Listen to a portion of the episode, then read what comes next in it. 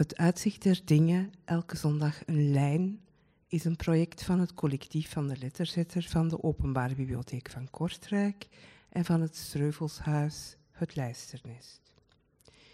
Zeven jonge auteurs en acht jonge illustratoren lieten zich inspireren door leven en werk van schrijver Stijn Streuvels.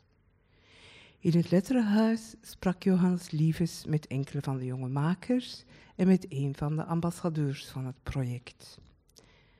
Het werd een mooi gesprek met Gerard den Dove over waarom we Streuvels moeten lezen en over creatieproces in métier. Illustratoren Xavier Truant en Willem Moreel en schrijvers Alice Pinois, Joke de Kerpel en Hans Deppelchin vertellen over de inspiratie die ze uit het werk van Streuvels puurden. Ik weet niet of het meer mensen gaat gelijk met mij, maar het gebeurt mij soms dat ik aan het zoeken ga zonder iets verloren te hebben. Zonder inzicht om iets bepaald te vinden, uit loutere lust en alleen maar om het zoeken. En de uitkomst is dat men altijd ontdekkingen doet en dingen aan de dag brengt die men niet wist te bezitten. Echte verrassingen, waarvan het weervinden genoegen medebrengt. Het geldt als een soort inventaris, een recapitulatie van hetgeen men bezit.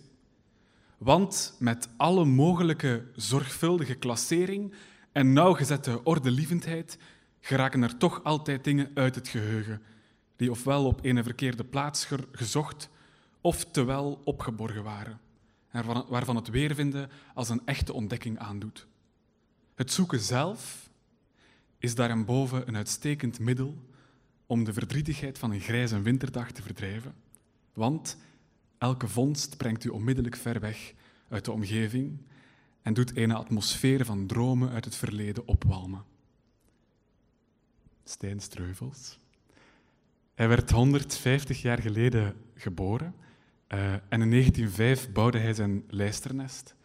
Um, een plek waar hij met uitzicht op het ingooi Gemse landschap alle rust in alle rust kon schrijven. Uh, en 150 jaar na zijn geboorte treden een aantal schrijvers en illustratoren uit hun eigen rustige schrijfplekjes uh, of uit hun drukke stadsleven um, om elkaar te ontmoeten, om samen werk te maken, geïnspireerd op wat Stijn Streuvels schreef. Ehm, en die hele onderneming, uh, waaruit uh, een boekje en een expo voortkwam, en ook deze avonden, vindt plaats onder de noemer Het Uitzicht der Dingen. Een initiatief van de Letterzetter, het Stadsdichterschap van Kortrijk, de Openbare Bibliotheek van Kortrijk en het Lijsternest, een museum en een schrijfresidentieplek. En telkens werd er een schrijver aan een illustrator gekoppeld. De resultaten van die samenwerkingen krijgen we hier vanavond te zien, of in elk geval een deel ervan. Um, en in hun werk werden deze schrijvers en illustratoren bijgestaan door Anneleen van Offel, uh, Joost de Vriezeren en Gerda den Dove, um, die hier vanavond ook bij is. Gerda, welkom. Kom maar op het podium. Uh, Gerda die is schrijver, illustrator, theatermaker um, en docent. Dat is juist, hè? Nog, ja. nog dingen, vergeet ik nog dingen? nee, nee, dat is voldoende. Oké. Okay. Uh, en ze werd geboren in Kortrijk, niet zo ver van waar Streuvel schreef. Ja, voilà. klopt. En ze begeleiden de makers van het Uitzicht der Dingen bij hun maakproces.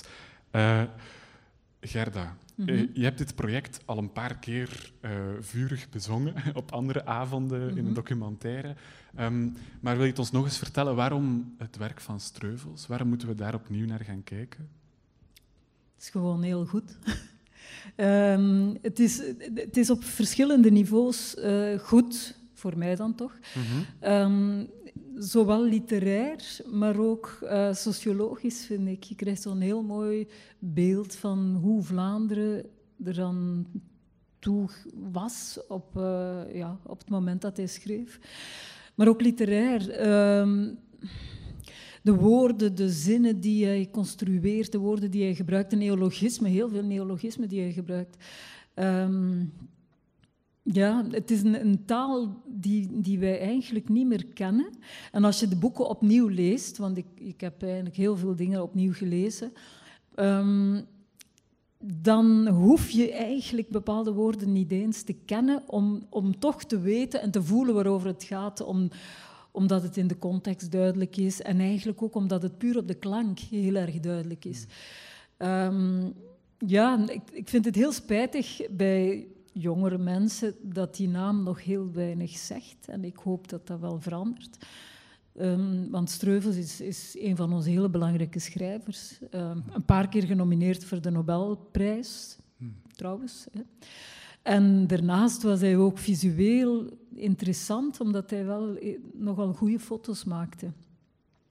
Dus uh, begin 1900 zo, was het ook niet evident dat iemand een camera in huis had. En dan mm -hmm. fotografeerde hij de personages die hij interessant vond om te gebruiken in zijn boeken. Um, ja, het is niet alleen omdat hij West-Vlaming is, maar uh, het is een, um, de taal die hij gebruikt. Daar moet ik wel van zeggen dat het de liefde voor het West-Vlaams bij mij heeft aangewakkerd. Want ik had er altijd toch een beetje mijn uh, voorbehoud over. Um, ja, ik ben, ja, zelf, ik ben zelf West-Vlaamse en ik, uh, mm -hmm. uh, in de jaren 80, 1980 was het not done om West-Vlaams te spreken in de scholen. -hmm. En um, dan vergeet je heel veel dingen. En dan, dan kijk je eigenlijk ook met een andere blik naar die taal. En als ik nu opnieuw die dingen lees en hoor, vind ik het eigenlijk magisch hoe dat hij ja, zijn zinnen construeert, uh, de klanken gebruikt. Ja. ja. Zie je dat ook doorwerken in het werk dat gemaakt is in het project? Die liefde um, voor die taal, voor dat West-Vlaams of voor die regio? Ja, dat is natuurlijk ja, dat is eigenlijk vrij uh, open gebleven. Hè. Dus de schrijvers konden wel zich inspireren op de verhalen of een verhaal uh, kiezen en daarop doorgaan. En um, ja, sommigen hebben die dingen wel gebruikt, hebben die, die klanken ook wel gebruikt. Uh, Anderen die hebben zich vooral door de inhoud laten leiden. Uh, wat de tekenaars betreft, we zijn, we zijn dan, of ik heb toch, om het project in gang te trekken, beeldend dan mm. toch. Um, het was nog volop in, in lockdown-tijd. Zijn we begonnen in het, in het lijsternest. En uh, heb ik een rondleiding gedaan in het lijsternest online om de verschillende plekken te laten zien, um, foto's ook gebruikt van het lijsternest, zodanig dat er een link was, ook beeldend met de streuvels. En heel veel tekenaars zijn dan ook vertrokken van of paraphernalia die te vinden waren in, uh, in het huis van de Streuvels, wat nog altijd te bezoeken is. Of um, uh, die zich geïnspireerd hebben op het landschap of op, uh, op het huis zelf, de kleuren in het huis. Um, dus in die zin is er absoluut een link. Ja. ja. Heb je het gevoel dat je het werk beter begrijpt omdat je zelf uit die regio afkomstig bent? um, misschien wel. Ja, eigenlijk wel. Wat is dat dan naast de klanken? Wat is, dat, is er een soort. Um, hmm. Ik denk een soort. Uh, ik weet niet of het een, een iets aards, denk ik. Ik ben ook zelf heel aards. en ik denk dat ja, ik het uh, wel herken in, uh, ja, in het, het, soort, het soort volk, het soort boeken die, die hij schrijft, de verhalen die hij uh, neerpent.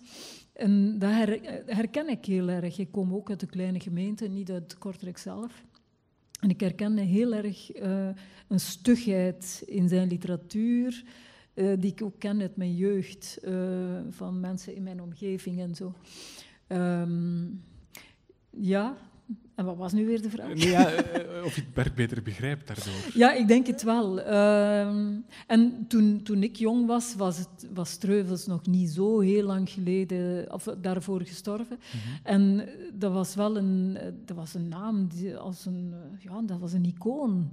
Ik ben ook voor het Lijsternest een museum werd, ben ik er zelf nog geweest. Ik denk eind jaren 70, begin jaren 80 of zo. Um, om wat te doen? Om, gewoon om te bezoeken. En ik weet eigenlijk ook niet precies hoe dat kwam. Uh, maar ik ben er wel geweest, ja. Zijn er schrijvers die nu ook die stugheid vertolken in hun werk? Uh, schrijvers van vandaag? Aan wie je moet denken, aan daar herken ik het ook in. Oh jee, dat is een moeilijke vraag, zeg. Ik kan maar stellen. Um, hmm.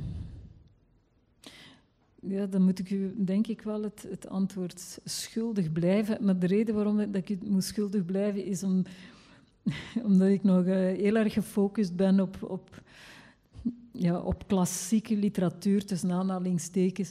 Ik ben mij nog helemaal door het uh, uiveren van 100 jaar geleden aan het ploeteren. En ik, ik kom maar weinig toe aan hedendaagse literatuur. Heel af en toe wel. Maar dan denk ik, oh, ik moet nog die lezen en die ook. En, en zoals ik ja, nu uh, net zei tegen iemand, ik ben nu de oorlogsdagboeken van Virginie Loveling aan het lezen. En zo'n tijdgenoot ongeveer, iets ouder nog dan Streuvels. En uh, misschien is het ook die geschiedenis die mij heel erg interesseert. Uh, een soort graven in de eigen afkomst, de eigen geschiedenis, hmm. Die mij wel heel erg boeit. En bijvoorbeeld bij um, Streuvels, uh, het, het, verhaal van de, de ast, hè, uh, is, is zelfs nog een verhaal waar je echt wel in de, in de omgeving, in de, de, de werkplek van, van de arbeiders getrokken wordt.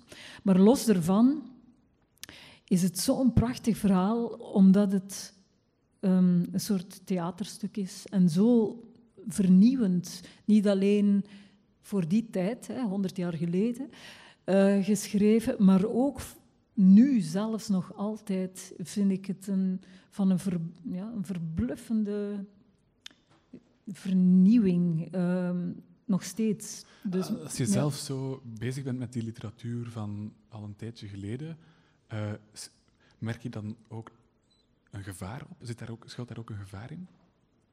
Vraag ik me af. Met uh, iemand die er zoveel mee bezig Ja.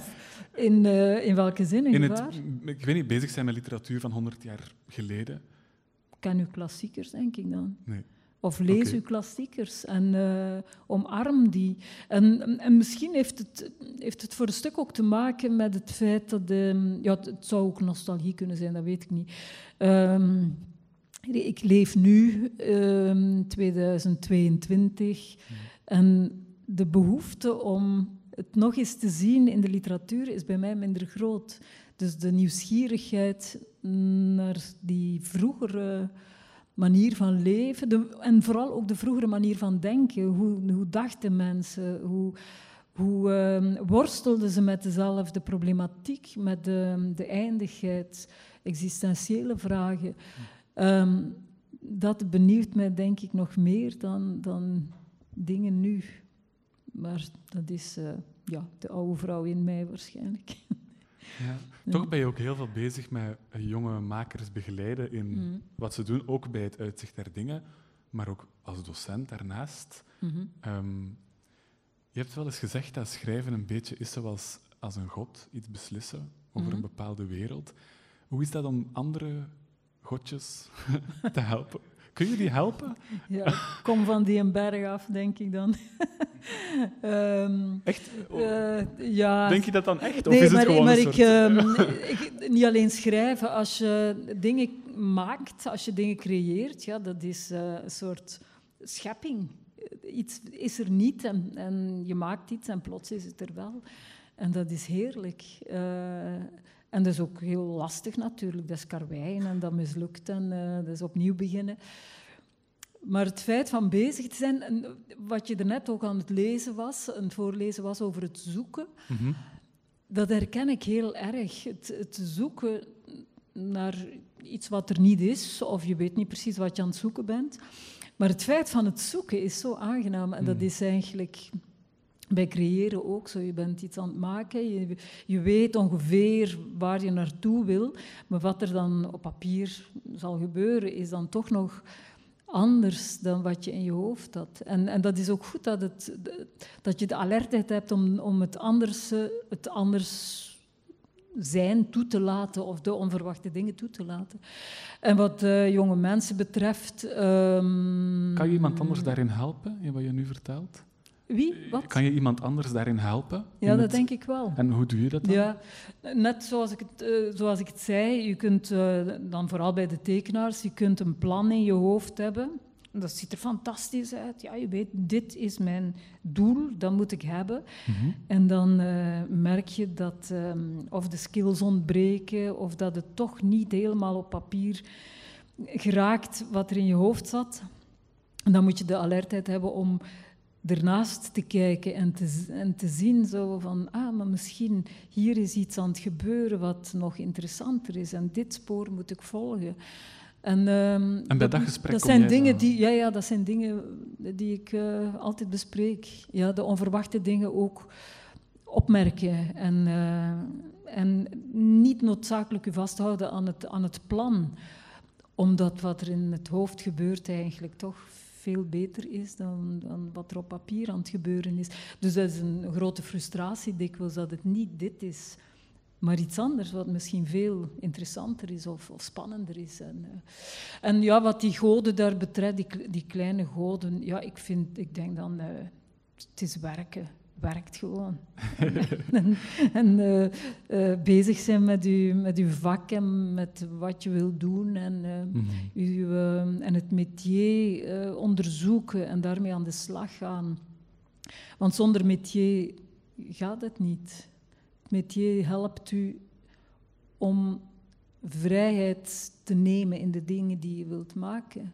En anders is het een beetje lukraak heen en weer ploeteren. Ehm, dus wat, wat dat betreft was eh, Streuvels, vind ik, een eh, hele grote meester in, Ja. in, zijn, in zijn taal, in zijn schrijven, in hoe hij naar de dingen keek. En ook in zijn fotografie. Ik heb onlangs nog, in, nog zijn fotoboek of eh, het verzamelboek bekeken, wat denk ik in het Letterhuis of door het Letterhuis is uitgegeven. En ehm, ook zijn blik, een soort abstractie in zijn blik en tegelijkertijd een grote menselijkheid, dat vind ik ook fantastisch. Hmm. Hij is heel menselijk en hij is ehm, zeer existentieel ook, vind ik, Hmm. in zijn, in zijn schrijven. Dus ehm, ja, Werken, elke dag een regel. elke dag.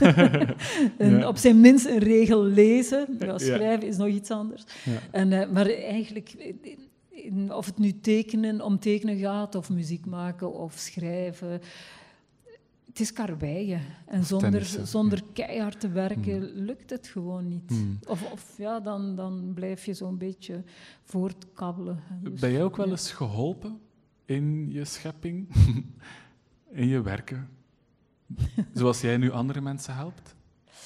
Ehm, ja, er zijn een paar mensen, niet zo heel veel, die, die mij wel.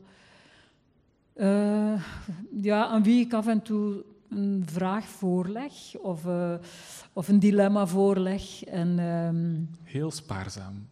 ik ben heel spaarzaam, ik kies, eh, ik kies ze uit. Ehm, en ik kies ze niet in die zin uit dat ik al op voorhand weet wat het antwoord zal zijn. Het zijn echt Hmm. mensen die ik moet vertrouwen. En dus, dus maar een handvol. Ehm, waarvan ik ook weet dat ze dezelfde dingen meemaken in een eh, creatieproces. pro- eh, proces. Ehm, en dan nog, als ik dan het antwoord krijg, dan is het nog aan mij om, om er iets mee te doen. En soms eh, bevestigt mij hun antwoord in wat ik absoluut niet moet doen. Hmm. Of omgekeerd, maar meestal is het zo van, als, ze als ze dit zeggen, dan, dan denk ik, hmm, hmm, toch eens over nadenken. Eigenlijk weet ik meestal al op voorhand wat het moet zijn en zoek ik alleen nog bevestiging of, of bevestiging van mijn gelijk of van mijn ongelijk in het antwoord. Dus het is een beetje manipulatief natuurlijk. Van mijn tweeën. Ehm, maar het, ehm, het, het helpt wel. Het helpt ook wel om ehm, buiten jezelf te staan en, en te kijken naar de dingen waar je mee bezig bent, Hmm. alsof het niet van jezelf is, met een scherpe blik. Hmm. En eh, ik las het, denk ik, onlangs nog in een interview denk met Yves Petrie, die ook zei: Ik ben zo kritisch al over mijzelf dat de kritiek of eh, feedback mij niet noodzakelijk vooruit helpt. Hmm. Dus ik- bij mij is het eigenlijk ook een beetje dat. Ik ben al zo'n twijfelaar, ik ben al zo kritisch. ehm, dus het is eigenlijk alleen maar als ik echt, echt ja, in een dilemma zit. En meestal gaat het dan over heel uh, technische dingen. Mhm. uh, of stilistische dingen. Of zo zal ik, het, uh, zal ik het knippen of zal ik het schilderen, bij wijze van spreken. Ja. Mm -hmm. ik heb jou leren kennen als kind. Oh nee. ik heb veel van jouw boeken gezien als mm. kind en ze hebben ook mee mijn verbeelding gevormd over bepaalde verhalen. En nachtmerries gehad? Nee, geen nachtmerries. Nee, nee, maar wel als ik nu aan sommige verhalen denk, zie ik eerst die vormen en dan pas het verhaal. Ja. Um, ja, ik ben ook wel opgegroeid en nog mensen, maar ik vraag me af, ben jij soms bezig met de vraag hoe jouw werk zich op lange termijn ontwikkelt? Hmm. Nu kijken we ah, ja, zo... Ontwikkeld of, of um, in de geschiedenis uh, zijn plek zal kennen, is het, is het dat? Eerder denk ik, als we nu naar het uiveren kunnen kijken van Streuvels als een geheel, ben je daar ja. ook soms mee bezig? Je praat veel over het dagelijkse werk van het creëren, maar wat is het, het langdurige werk van het creëren? Voor, heb je daar een soort idee van, van wat dat dan... Um, ik, met, met een termijnvisie ben ik niet zo, niet zo meteen bezig, maar wel met een, een trouw, trouwheid, trouw aan mezelf blijven. Dat wel. Uh, en waarschijnlijk vertaalt zich dat dan in een, in een herkenbaarheid van de dingen die ik doe. Uh, even goed inhoudelijk als, als vormelijk, denk ik. Uh, en dat, dat probeer ik echt wel te doen te kijken naar de dingen die ik maak in de zin van, ben ik dit? Is het, klopt het met, met wie ik ben? Um, ja, en op termijn hoop ik dat daar ergens een, een, lijn te zien is, maar misschien, misschien hoeft dat ook niet zo te zijn. Een, een, eh, een lijn, er zijn uh, mensen, en ik denk nu heel meteen aan uh, bijvoorbeeld David Bowie, die ook alle richtingen uitgaat en zo. Of, of Picasso, en niet dat ik mij daarmee wil vergelijken, maar ook wel de verrassing uh, die die mensen opzoeken. Zo, de nieuwsgierigheid. Zo van, ah ja, ik zal dit eens proberen of dat eens proberen. Um, dus ik hoop voor mezelf, hoop ik niet zoveel, uh, vooral dingen te kunnen blijven maken, uh, zolang het mij boeit, zolang ik iets te vertellen heb, hmm. hoop ik.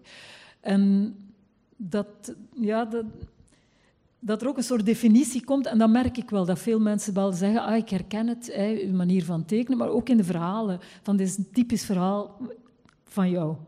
En dan denk ik, oké, dat is fijn om te horen. Zelfs al is het voor mij eigenlijk toch iets anders, dat er dan toch een soort continuïteit is, of een, of een humor die erin komt, of een, of een, een thematiek die zich herhaalt. Want wat betekent dat dan voor jou, dat die continuïteit er is? Waarom stelt je dat gerust, of waarom vind je dat fijn om te horen? Um, die, ja, die continuïteit... Eigenlijk staan de dingen niet los van elkaar. Alles heeft met alles te maken. En bij elk ding wat je maakt, neem je weer iets mee naar het volgende. En dat is heel belangrijk. Je leert eigenlijk uit het vorige. En dus voel je van, oké, of, of, het gevoel wat ik heb, uh, ja, ik ben er nog niet. Er is nog werk aan de winkel. Of hmm, de volgende keer moet ik het zo of zo oplossen. En meestal is het ook maar het moment dat een boek helemaal is afgerond en het is in druk. En dan denk ik, ah shit, ik had het beter zus of zo gedaan. En dan neem ik dat wel weer mee. En in die zin, als ik live performances doe, zo live teken, ja. wat ik heerlijk vind, um, dan heb ik dat niet. Want dat is gewoon voorbij. Dat is efemeer en heb. Uh, de twee uur zijn gepasseerd en de mensen hebben genoten of hebben gekeken. En, uh, en voilà, er is niks overgebleven. En dat vind ik eigenlijk ook heel fijn. Maar bij een boek, het blijft bestaan, dat is één ding. En je kunt eigenlijk altijd terugkijken waar er ergens mankementen zitten of waar je iets geleerd hebt wat je weer kunt meenemen naar het volgende. Dat vind ik wel heel belangrijk. Ja. Dus enerzijds is het zwaar. Zou je, vind je het fijner om live te tekenen? Ja. En anderzijds ben je toch blij dat het een soort... Een soort het geeft mij een... Um, ik ben altijd heel zenuwachtig in het, in het live gebeuren. En tegelijkertijd is de kick zeer groot om het te doen. En um, het feit dat het verdwijnt, ontspant mij ook. Dus zelfs al ben ik heel zenuwachtig, het blijft niet bestaan. Terwijl bij een boek het blijft bestaan, het achtervolgt u en het kwelt u en, enzovoort. Hmm. Hè. Dus ja, de kwellingen zijn groot. Ja, en daarnet vertelde je nog dat je uh, uh, met zo, nu niet zoveel mensen spreekt over, wat je, over het proces zelf van iets maken. Um, maar toch viel me daarnet al op, er was al een illustrator bezig met iets klaarleggen op het plexiglas. Hmm. En hoe, um, hoe anders het is als kijker of als lezer om een vorm te zien ontstaan mhm. dan om hem af te mhm. krijgen. Dat is toch ook ergens een intiem gebeuren dat je ja. laat zien hoe niks het is eigenlijk, toch? Het is, het is heel fragiel hè? en uh, je kunt helemaal de mist ingaan. Maar dan bij zo'n live gebeuren, en ik denk bij, bij muzikanten, bij schrijvers is dat iets anders, omdat ze meestal de tekst lezen die er al is. Um, maar ook bij muzikanten, het live gebeuren en de spanning van het live gebeuren is eigenlijk, vind ik, heerlijk. Um, omdat het u op scherp stelt op zo'n moment. Hmm. Um, dus het is zo... Het, het, is eigenlijk samenvallen van uh, hyperconcentratie en onthecht zijn tegelijkertijd. En dat is dan jouw concentratie, maar is het ook een andere tekening? Wordt het... Mm, nee, niet noodzakelijk. Ja, maar ja, het materiaal is anders wat ik gebruik. Uh, maar niet noodzakelijk een andere tekening. Maar bijvoorbeeld bij het creëren ook van een boek of een prent. Uh, de mooiste momenten zijn ook wanneer, dat, uh, wanneer, de, wanneer je helemaal in het ding zit, hyper geconcentreerd en tegelijkertijd weg van, van alles. Dus een hyperfocus en weg van het hier en nu. Dat zijn heel kortstondige momenten. Ehm, en ik merk het bij, het bij tekenen veel meer dan bij het schrijven. Dat vind ik moeilijker, omdat, de, omdat mijn kop altijd uh, aan de gang blijft. En bij het, bij het tekenen kan ik, het, kan ik meer verdwijnen in het beeld. Um, het hoofd werkt ook, maar op een andere manier. bij het schrijven ben je bezig met de verhaallijn en de taal en de constructie enzovoort, de logica. En bij een beeld ja, zit ik veel meer in het beeld. Ja. Er is ook een publicatie gekomen van uh, alle verhalen en alle teksten en illustraties die zijn verschenen in het kader van het project. Mm. Um, ben je verrast door die publicatie? Of, of hoe, hoe kijk je terug naar die publicatie? Het is fijn dat die er is, die publicatie. En het is ook heel fijn, vind ik, uh, de, de, dat Streuvels bij jonge mensen is uh, terechtgekomen, in de handen van jonge mensen is terechtgekomen. En hmm. ik, ik hoop dat het zich verspreidt. Het is natuurlijk wel, ja, het blijft een beperkte groep van een... Uh, een, zestien, zestiental mensen die hier aan samengewerkt hebben. Maar ook het feit van samenwerken vind ik, vind ik eigenlijk heerlijk. En het, begeleiden ook om, om ja, het, op zo'n moment van begeleiding gaat het dan niet over een eigen creatie, maar hun creatie. En, uh, en toch voel ik me daar heel verantwoordelijk voor.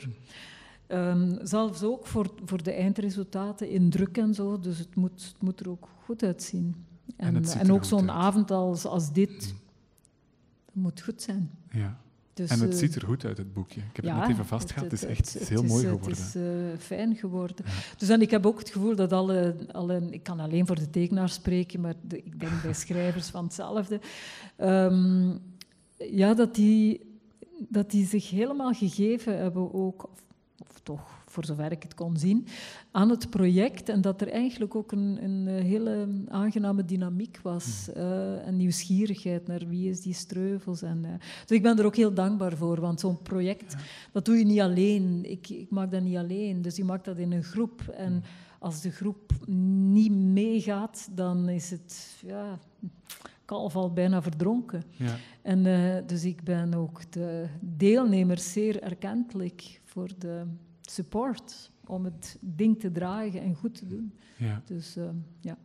Mooi. Ik ben heel benieuwd. We krijgen zometeen drie performances te zien met tekst en live illustratie. Dankjewel, Gerda. Graag gedaan. Um, voilà. Uh, dus uh, we krijgen dus drie teksten te zien, drie keer live illustratie. Um, en uh, schrijfster Alice Spinois. En beeldend kunstenaar uh, Willem Moreel, die bijten de spits af. Uh, ze groeiden allebei op in dezelfde landschappen als waar Streuvels schreef. Um, Willem Moreel in de streek van het lijsternest en Alice Pinois zelfs op de plek waar, naar verluid, het geboortehuis stond van Streuvels. Um, en straks maken we kennis met hen, komen ze even hier zitten, dan gaan we praten over een proces. Uh, maar nu brengen ze eerst het verhaal Irma. Uh, ik verwelkom ze heel graag op het podium. Alice Pinois en Willem Moreel. Hallo, ik ben Alice um, en ik lees een stukje uit Irma, uh, geïnspireerd door Jantje Verduren van Streuvels en Willem illustreert. Oké. De eerste keer dat ik madame zag, droeg ze wit. Ik zat na de begrafenis op het plankier voor de bakkerij. Ochtends had de buurvrouw vlechten in mijn haar getrokken. Och, gerend jong, had ze gezucht, terwijl haar natte kam langs mijn oren schraapte. Een meisje zonder moeder, dat is toch Hans alleen op de wereld, hè? Het is niet alles, nou waar, Martha? Martha, de slagersvrouw, wenkte met haar hoofd naar de bakkerij, waarvan ik wist dat mijn vader er zijn kater lag uit te slapen achter de toog. Zeker niet met die vent alleen. Op dat moment was ik gestopt met luisteren. De septemberzon tekende een regenboog door de bars in het raam. Het zilveren kruisje op mijn moeders borst schitterde in mijn ogen. In de weerschijn kon ik de trekken van haar gezicht niet meer onderscheiden. Zodra de kist onder de grond zat, waren ik en pa teruggekeerd naar huis. Hij was moe. Het is die hasty Therese, verontschuldigde hij zich toen we aangekomen waren. Hij gaf een voorzichtig trekje aan mijn nieuwe vlechten. Er zat een bloedvlek van het scheren op zijn kraag. Juist een beetje rusten moet ik doen, meisje. Toen draaide hij zich abrupt om en verdween de. Ik bleef achter op het plankier. Het was te warm voor zwarte wol. Dat was alles wat ik kon bedenken. Te warm voor wol en die vlechten doen zeer. Binnen hoorde ik pa vloeken. God geleren. God geleren, fluisterde ik. Moeder zou mij bij de oren naar meneer Pastoor slepen, maar moeder was hier niet meer. Ik bedacht dat ik eigenlijk moest huilen.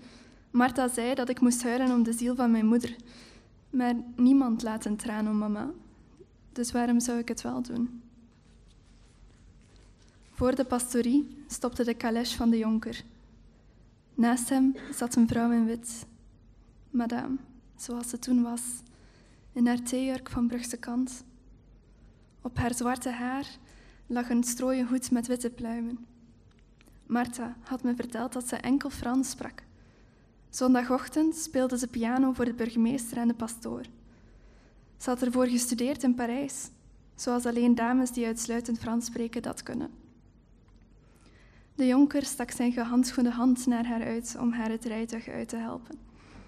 In de schemer kruisten haar ogen die van mij en met de glimp van haar witte tanden verdween ze uit mijn zicht.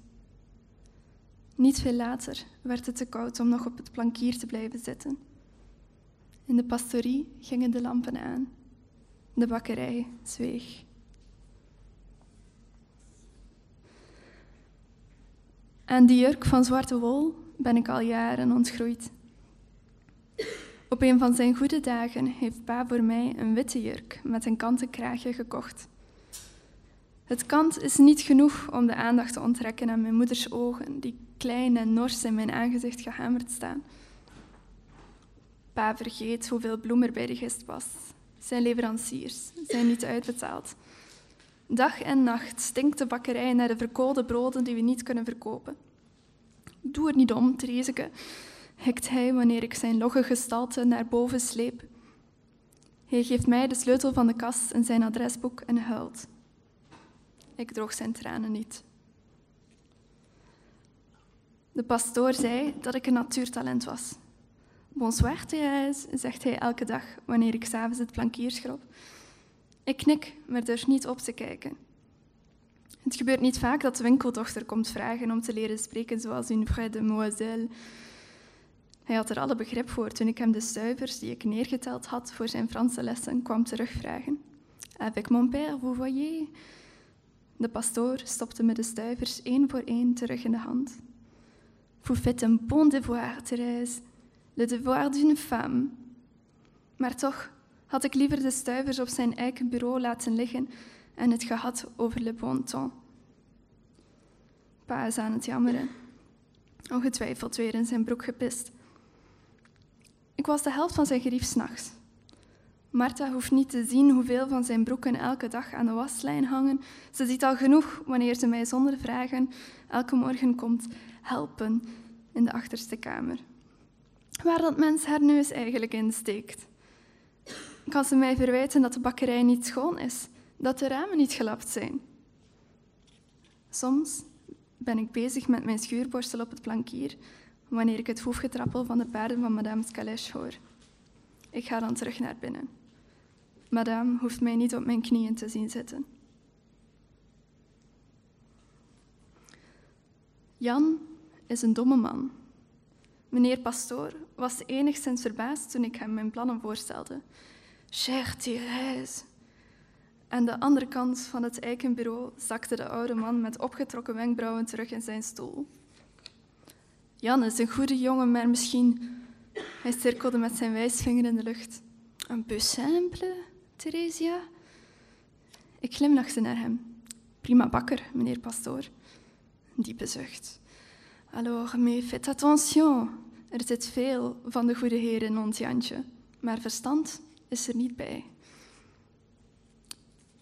In de goede kamer hangt een kleine ovale spiegel, een huwelijksgeschenk van mijn moeders familie. Rijke boeren. Ik kijk er te vaak in. Verwaandheid is een zonde, maar met de aanblik van mijn eksteroogjes of terugwijkende kin zal ik Adam niet verleiden om in de appel te bijten. Soms werp ik mijn hoofd naar achteren en lag ik al mijn tanden bloot. Mijn haar blijft echter muisbruin, mijn ogen onbestemd zwart. Alleen zie ik de kamer even ondersteboven. Die kamer ken ik niet. Een eiken kast zweeft een voet boven de vloer. De stoelen kleven aan het plafond. Het kan dat mijn moeder nog leeft in de hoek buiten mijn gezichtsveld.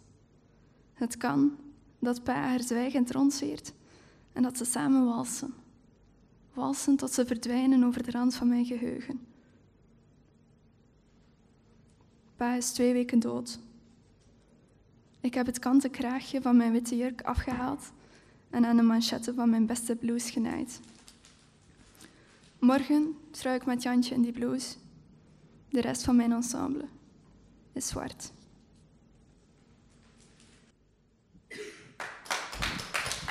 Dankjewel, en Willem. Kom gerust even erbij zitten. Ik vroeg het net al even aan Gerda, maar jullie zijn allebei opgegroeid in de buurt van waar Stijn Streuvels woonde. Hebben jullie het gevoel dat je zijn werk beter begrijpt? Gewoon niet, no niet noodzakelijk meer, denk ik, dan iemand die hier niet opgegroeid is. Uh, wat natuurlijk wel is, um, uh, die Streuvelsroute ligt, ligt bij, dus dan is het wel makkelijk om een wandeling te gaan maken op de Streuvelsroute. Um, en, en, en wat het wel is, door, um, door, door vaker het lijsternest te zien, uh, schep je daar wel een, een fantasie uh, rond. en kon je daar iets mee in dit proces, met die fantasie? Die fa fantasie omtrent Scheuvels? Ja. Um, ik ben vooral geholpen geweest door uh, Alice, haar verhaal in dit geval. Dat was de, de opdracht om, om, om rond het verhaal van de, van de, van de schrijfster iets te doen. Um, ik denk wat mij vooral dichter bij uh, Streuvels heeft gebracht, was, um, was, was, uh, was zoals Gerda net zei, de, de, de, taal, de taligheid. dat, dat bracht mij dichter bij hem dan een specifieke omgeving waarin ik ben opgegroeid. maar natuurlijk door door daar te zijn,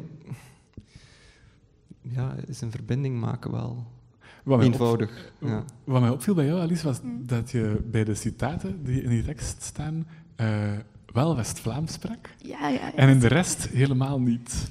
Ja, ja. Uh, nu, ik denk dat dat misschien in het belang van uh, de verstaanbaarheid voor het bredere publiek uh, mm -hmm. wel interessant is dat het niet bij puur West-Vlaams blijft. Mm -hmm. um, ik ben eigenlijk ook niet opgegroeid in het West-Vlaams. Mijn, mijn grootmoeder en mijn moeder spraken onderling West-Vlaams wel.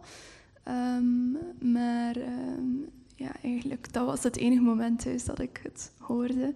En nu Mhm. spreek ik zelf ook wel een beetje West-Vlaams, eh, ook voor mijn werk. Ehm, ik heb in de Westhoek gewerkt en daar raak je niet vooruit als je niet een beetje West-Vlaams kent. Wauw, Eh, oké. eh, maar dat is ook wel leuk. Dat is ergens een, een, het brengt je dichter naar die andere persoon als je Hm. zo'n beetje je eigen taaltje hebt. Dan weet dat, dat begrijpen ze zeker niet in Antwerpen. En dan, eh Hoe is, dat schept dat een mond. ja. Hoe is dat schrijven geweest voor jou? Geïnspireerd op Streuvels? Hoe heb je die opdracht ervaren? Ehm, ik vond dat wel, ja, het was fijn ook om over mijn geboortestreek na te denken, in een bredere zin. Ook ik heb ehm, Jantje Verduren gelezen, wat zich afspeelt in Heulen, waar ik ook opgegroeid ben. Ehm, en dat is dan wel, wel grappig om zo terug te zien van, ah ja, oké, dus die schrijft over de Warande, dat is nog altijd een, een plek nu. Hmm. Nu ja, allee, helemaal anders natuurlijk, hè, maar het is wel interessant om te zien dat dat dat ergens nog altijd bestaat. Ja?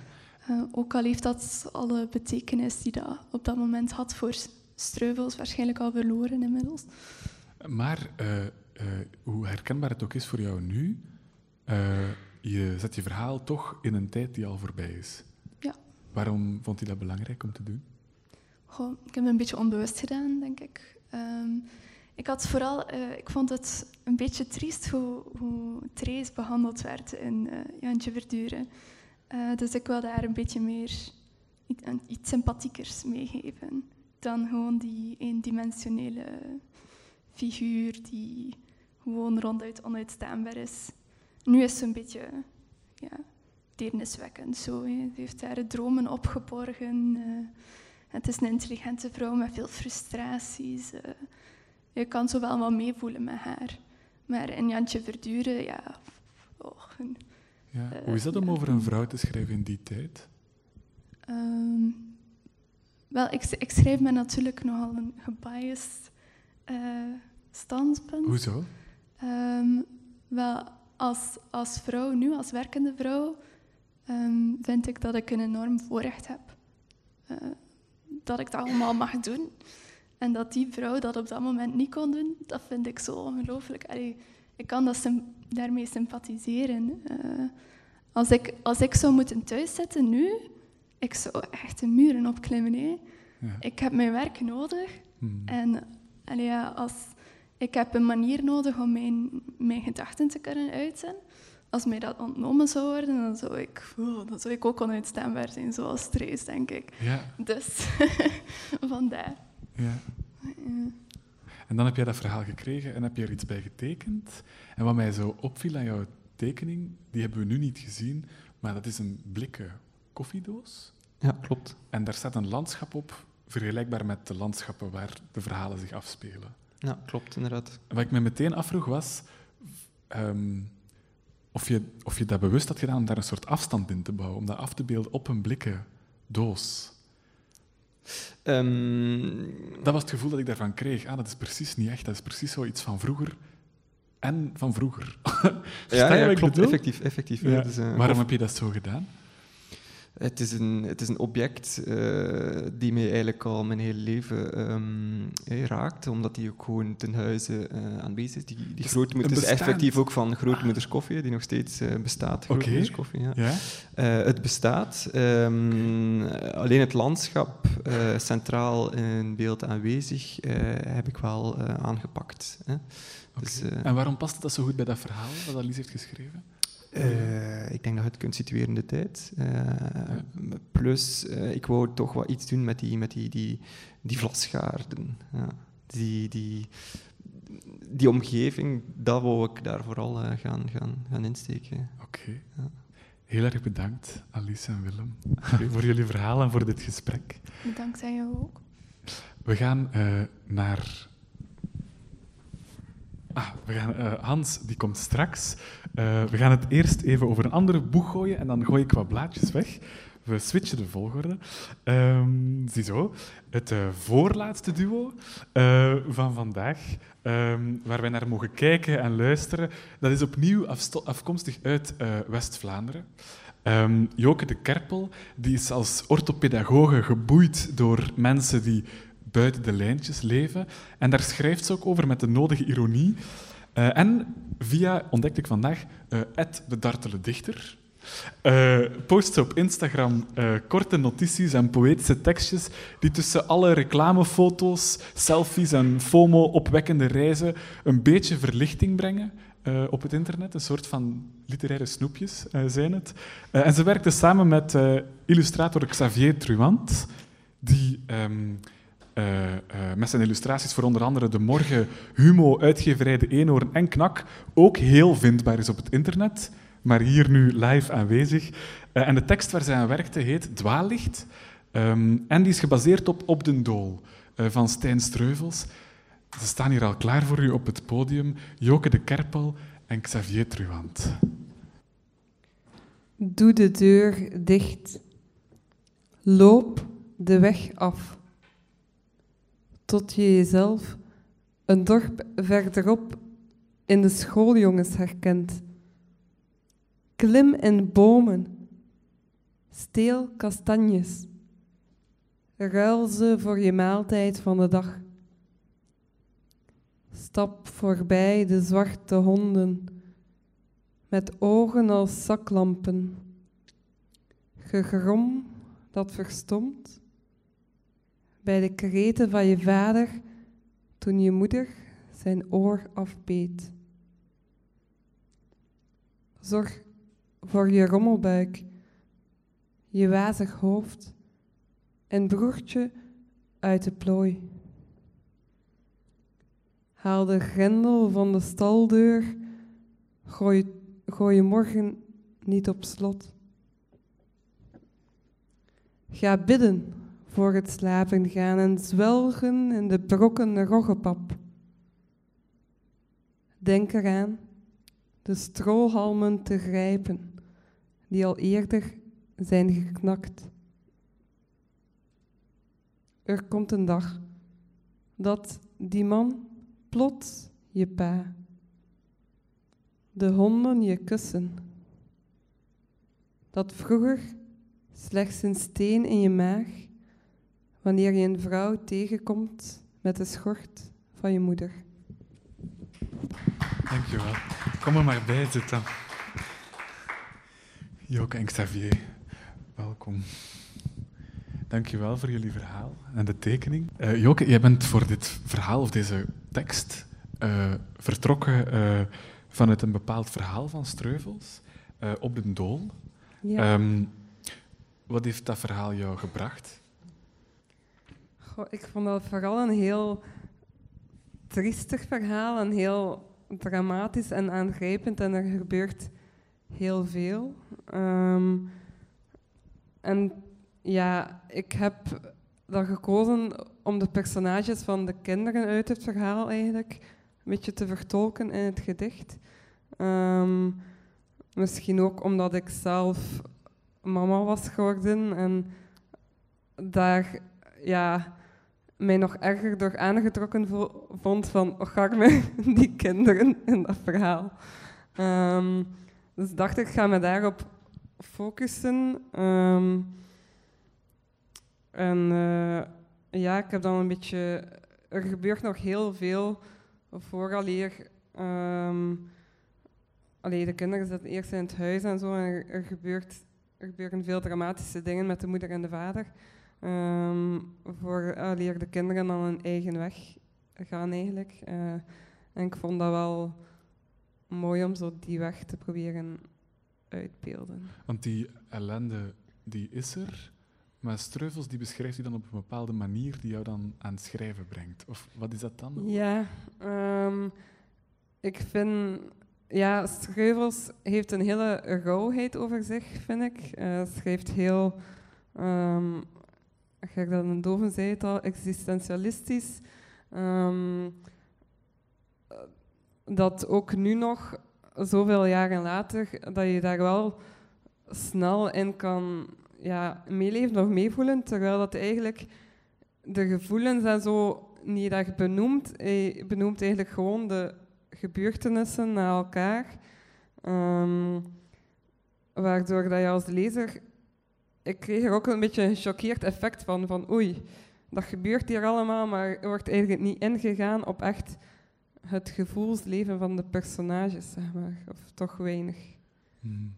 Ehm, dus ja, bedacht ik daar automatisch zelf het gevoelsleven bij en wou ik het daar een beetje over, over hebben ook. Ja. Oké, en uh, Xavier, je krijgt die tekst dan, uh, die als enige van de teksten vanavond zich niet heel duidelijk in het verleden afspeelt, dat kan ik wel zeggen. Hè? Uh, hoe, hoe ga je dan aan de slag? Lees je hem eerst twintig keer of, of ga je wandelen of begin je meteen te tekenen? Oh, je moet echt nadenken hoe dat, dat gelopen is. ik denk dat ik het een aantal keren heb gelezen, zoals iedere opdracht of zo dat ik krijg, dat je dat een beetje ja, laat bezinken en zo. Maar ik denk dat ik het vooral heb aangepakt als een soort, uh, een soort droombeeld. Zo, had ik het, zo zal ik het omschrijven. Mhm. Normaal alleen werk ik ja, zeer um, ja, uh, bijna met latten en passers en, en dingetjes. Dat moet allemaal heel erg uitgepuurd zijn. En dat project vond ik keer dacht ik van ja, ik ga de kans uh, proberen te grijpen om, om iets ja, rauwer, purer te werk te gaan. En, Hoe doe je dat dan? Uh, ik heb het um, naar mijn normen zeer schetsmatig gehouden. um, ja, dus... Uh, wil dat dan zeggen dat je op een bepaald punt van het proces dat je normaal gezien doorloopt, bent gestopt en gezegd, dit is het? Um, ja, je kan niet echt stoppen misschien, maar um, op een andere manier heb doorgewerkt op, op, op, op schetsen. Um, gewoon ook mijn eigen toegelaten om veel sneller te werken dan normaal. Door, allee, doordat ik ook meer instinct, instinctief uh, ben te werk gegaan op die manier. Um, terwijl ik alles altijd normaal heel erg afmeet. En bijna, allee, dat ik, ik werk echt dus letterlijk met een lichtbak en zo. Uh, normaal, dus dat is echt schetsen, schetsen totdat dat goed zit. Dan nog een keer helemaal overtekenen. En ik zei het ja, soms echt met latten en passers en, en dingetjes, uh, voor dat echt allemaal zeer netjes en zeer correct is. En bij dit project heb ik echt, ja, ja, echt vanuit, de, ja, vanuit een buik getekend, moet ik zeggen. En intussen, uh, het is al anderhalf jaar geleden getekend allemaal. Mm hoe is dat intussen verder gegaan? Is dat iets, een, een lijn waarop je bent doorgegaan, het, vanuit de buik tekenen? Well, dat is iets, ja, ik probeer dat wel mee te nemen en allee, in, in, in volgende projecten, zoals ja, Herda ook al zei, eh, de, de, de, volgende tekening is altijd een beetje iets, ja, daar kom, allee, er is altijd iets van, de, van het vorige werk dat je meeneemt in je, in volgend werk, dus ik probeer er wel iets van mee te nemen. Uh, werk ik altijd nu zo? Ja, nee, omdat mensen zijn ook gewend dat ik op, op een bepaalde manier werk. Maar het fijne vond ik er wel aan, is ik heb op een heel andere manier gewerkt, maar de mensen allee, die het gezien hebben, herkenden mijn manier van werken toch daarin. Ja?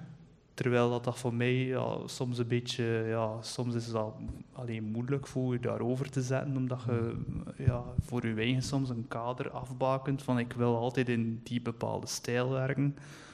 Ehm, maar dan vond ik het wel fijn dat mensen zeiden van ja, oké, ja, het is anders, maar ik herken u, uw hand er toch wel in. Hmm. En voor jou, heeft het jouw artistieke praktijk, heeft het jouw schrijven veranderd, dit project? Goh, is er een ehm, voor en een na, als ik het zo mag zeggen? Nee, ik denk niet dat het zo radicaal is of zo, maar ik vond vooral het project heel mooi om ook andermans stijl en benadering van Servelswerk te zien. En ook ja, heel fijn die combinatie met de illustrator. Uh, dat uw werk ook een beetje tot leven wordt gebracht.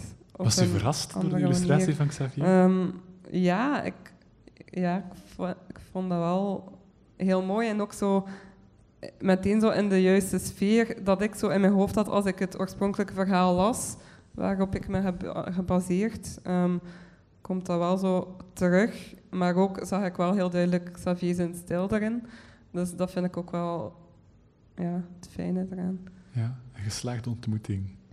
Ja, ik, ik heb vooral inderdaad echt geprobeerd om, om een bepaalde sfeer neer te zetten. En ik, allee, het was dat dat ik het ook probeerde, allee, je zei dat ik het, het, eh, voor mij was een soort droom-waanbeeld dat ik zo in, in mijn gedachten had. En het, het, moest een bepaalde sfeer neerzetten. En ik denk dat dat wel geslaagd was.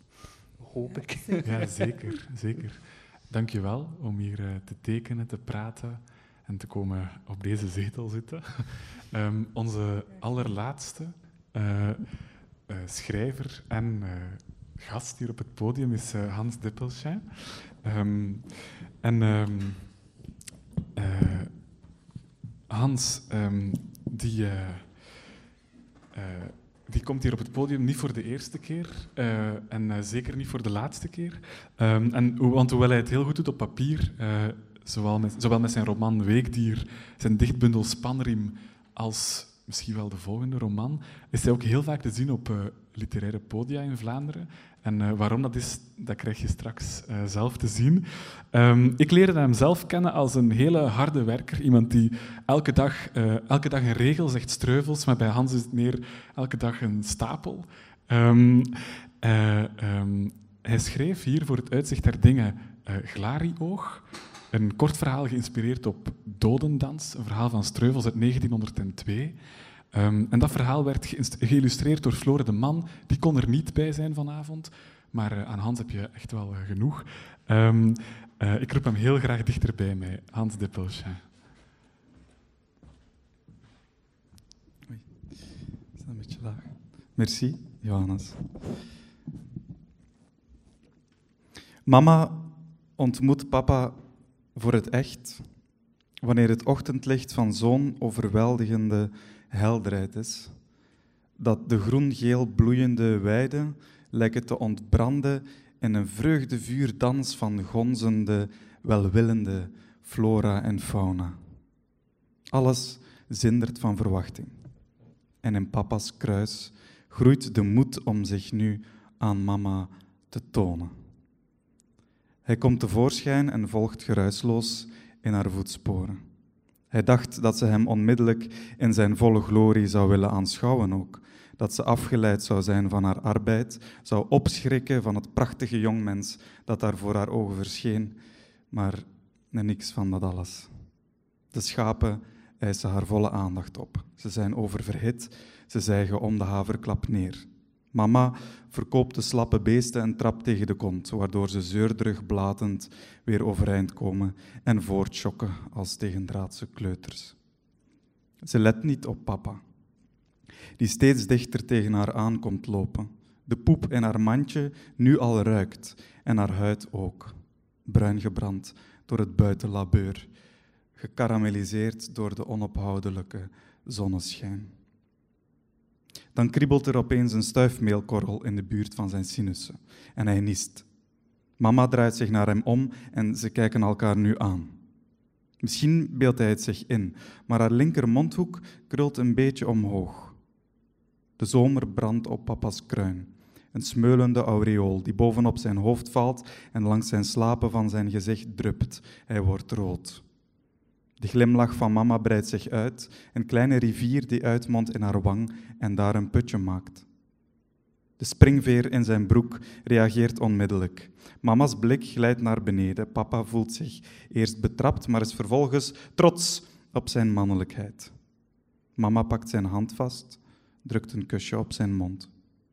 Papa kijkt naar de ontelbare sproetjes die onder haar ogen en over haar neusbrug uitwaaieren als bruin-oranje confetti.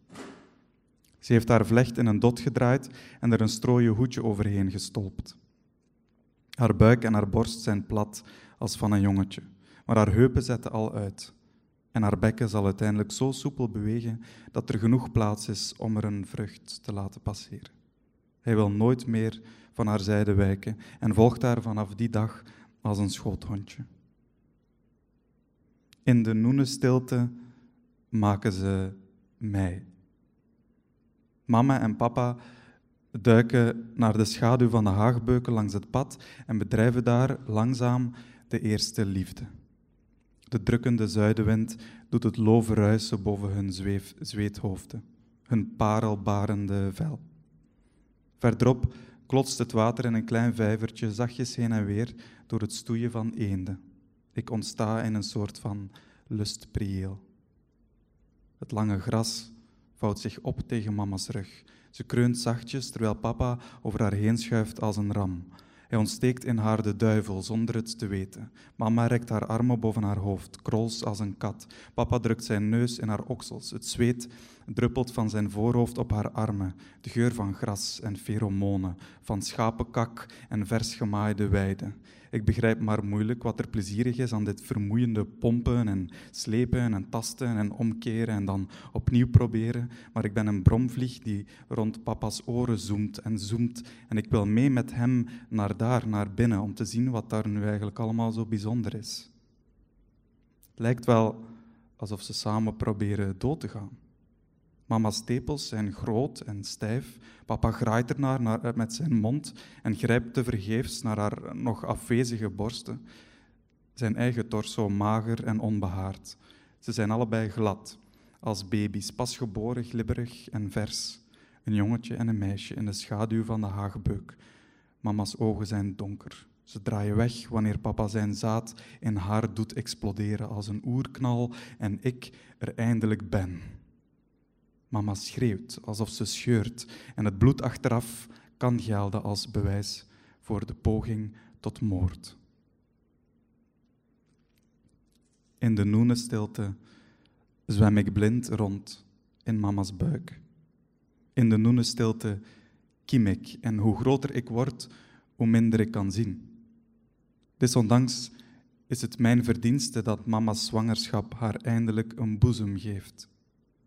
In de noenestilte scheelt het niet veel of ik word eigenlijk maar half geboren. Zie je wat ze je hebben aangedaan? Fluistert Omi elke dag in mijn oor. Wanneer we opnieuw wakker worden op die stoffige zolder, vol kobbenetten in de oogputten en rommel in alle hoeken en een geur van varkensstallen in het hout en ik me inbeeld dat haar ogen wegdraaien in haar generfde hoofd. Ik heb alles eigenlijk maar van horen zeggen.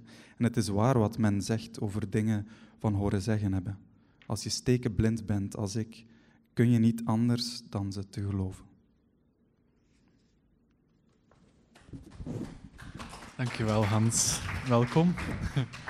Merci. Uh, ik moet eerlijk zijn, ik heb het net al even gezegd. Maar ik heb je verhaal gelezen samen met een uh, groep ja, uh, schrijvers, mensen die graag willen leren schrijven.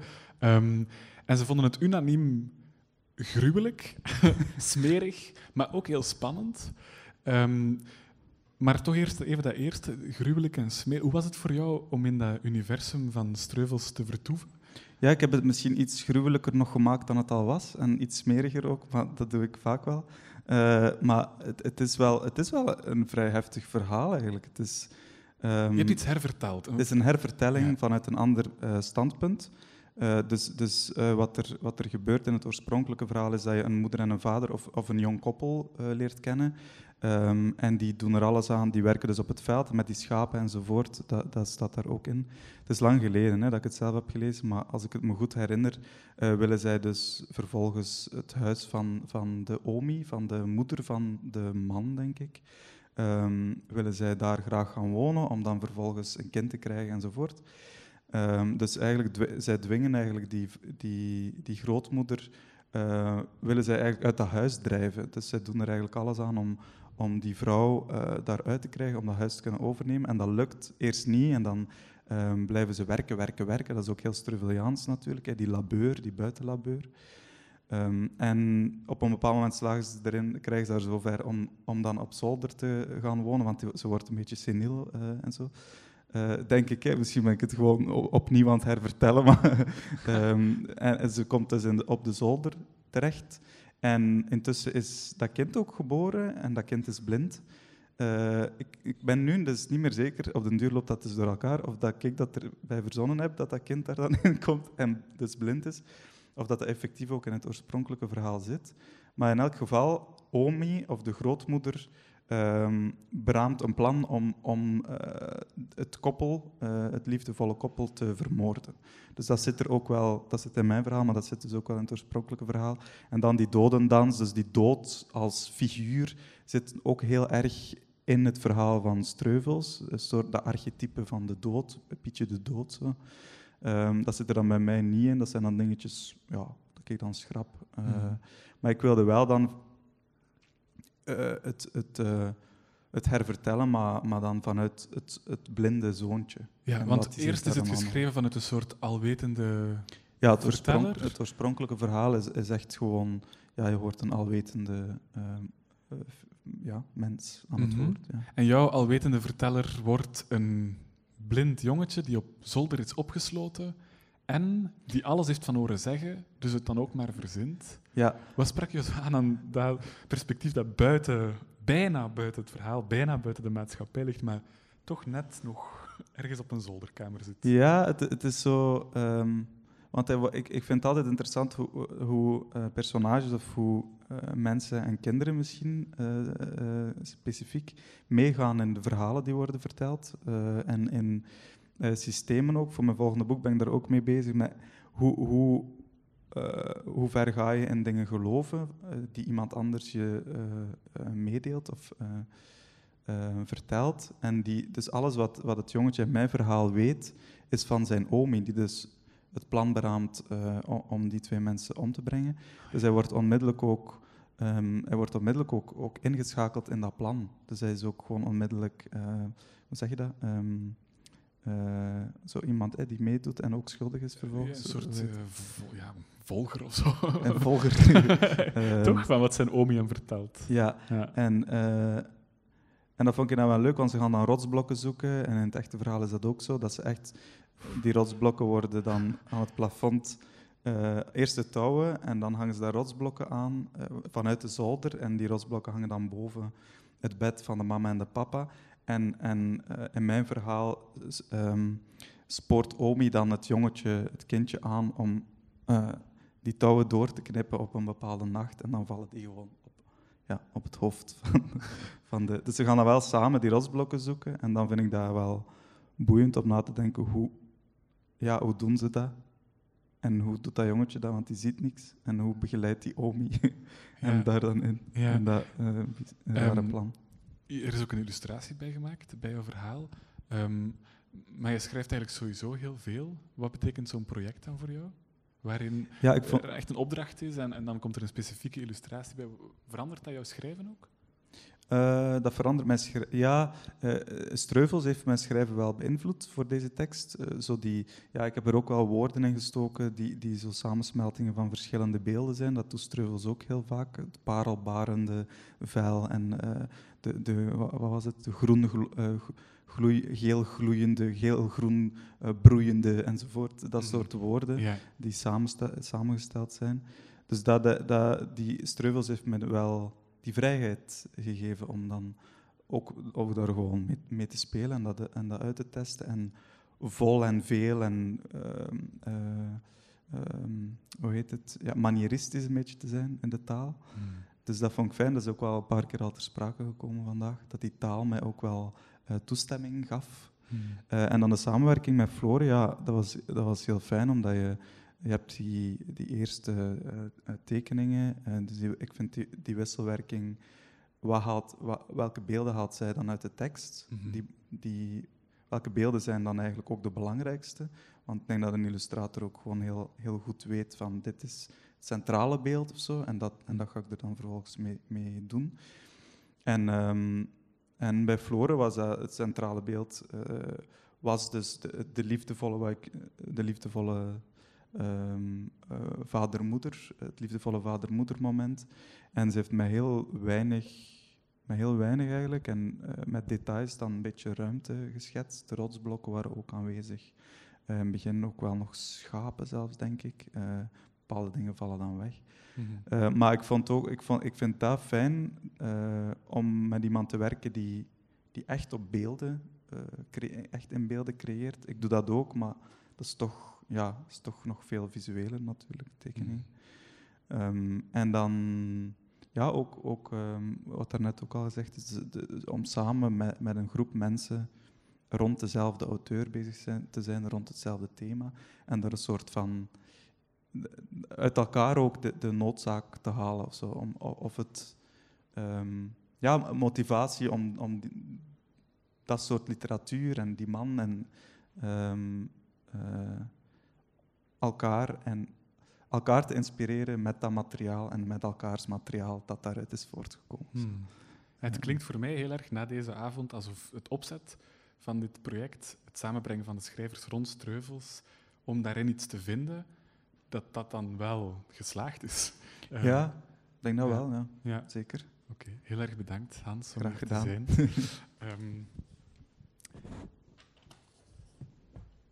Om uh, af te sluiten wil ik jullie heel graag nog een klein stukje van Streuvels uh, voorlezen, uh, dat ik op een nachtelijke zoektocht op het internet gevonden heb. Um, maar voor ik dat doe, wil ik graag nog een paar mensen bedanken. Om te beginnen, al wie hier vanavond was.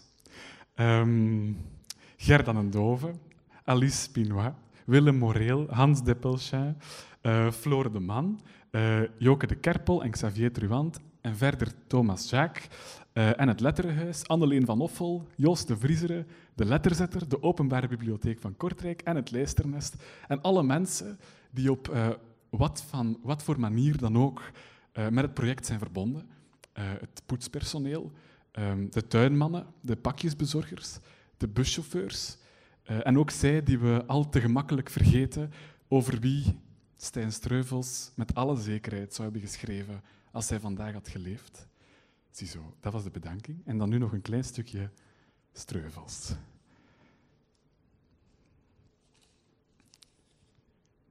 Klokslag tien uur werd de zitting geheven, de pijp uitgeklopt en het avondsprek besloten met een algemene beschouwing, een wijsheidsspreuk, met een beetje spot en ironie over de menselijke ijdelheid, het nietige der aardse goederen of over de eeuwige wentel en weerkeer van degenen die vertrokken waren of gekomen, de wisselgang van al wat leeft. Met kalmen, gemeten stap, die in één klank was met hun stem en heel hun bedaard gemoed, verlieten zij de keuken en trokken naar hetgeen zij noemden hun vlooibak. Na een laatste goede avond viel de stilte in van de nacht. En nu haastig holder de bolder diep onder de dekens, om in donker te herkauwen en te genieten van de huiver der dingen die met een ronk der vertelstem in ons hoofd nog nadreunde en in onze verbeelding overeind stond. Dank je wel.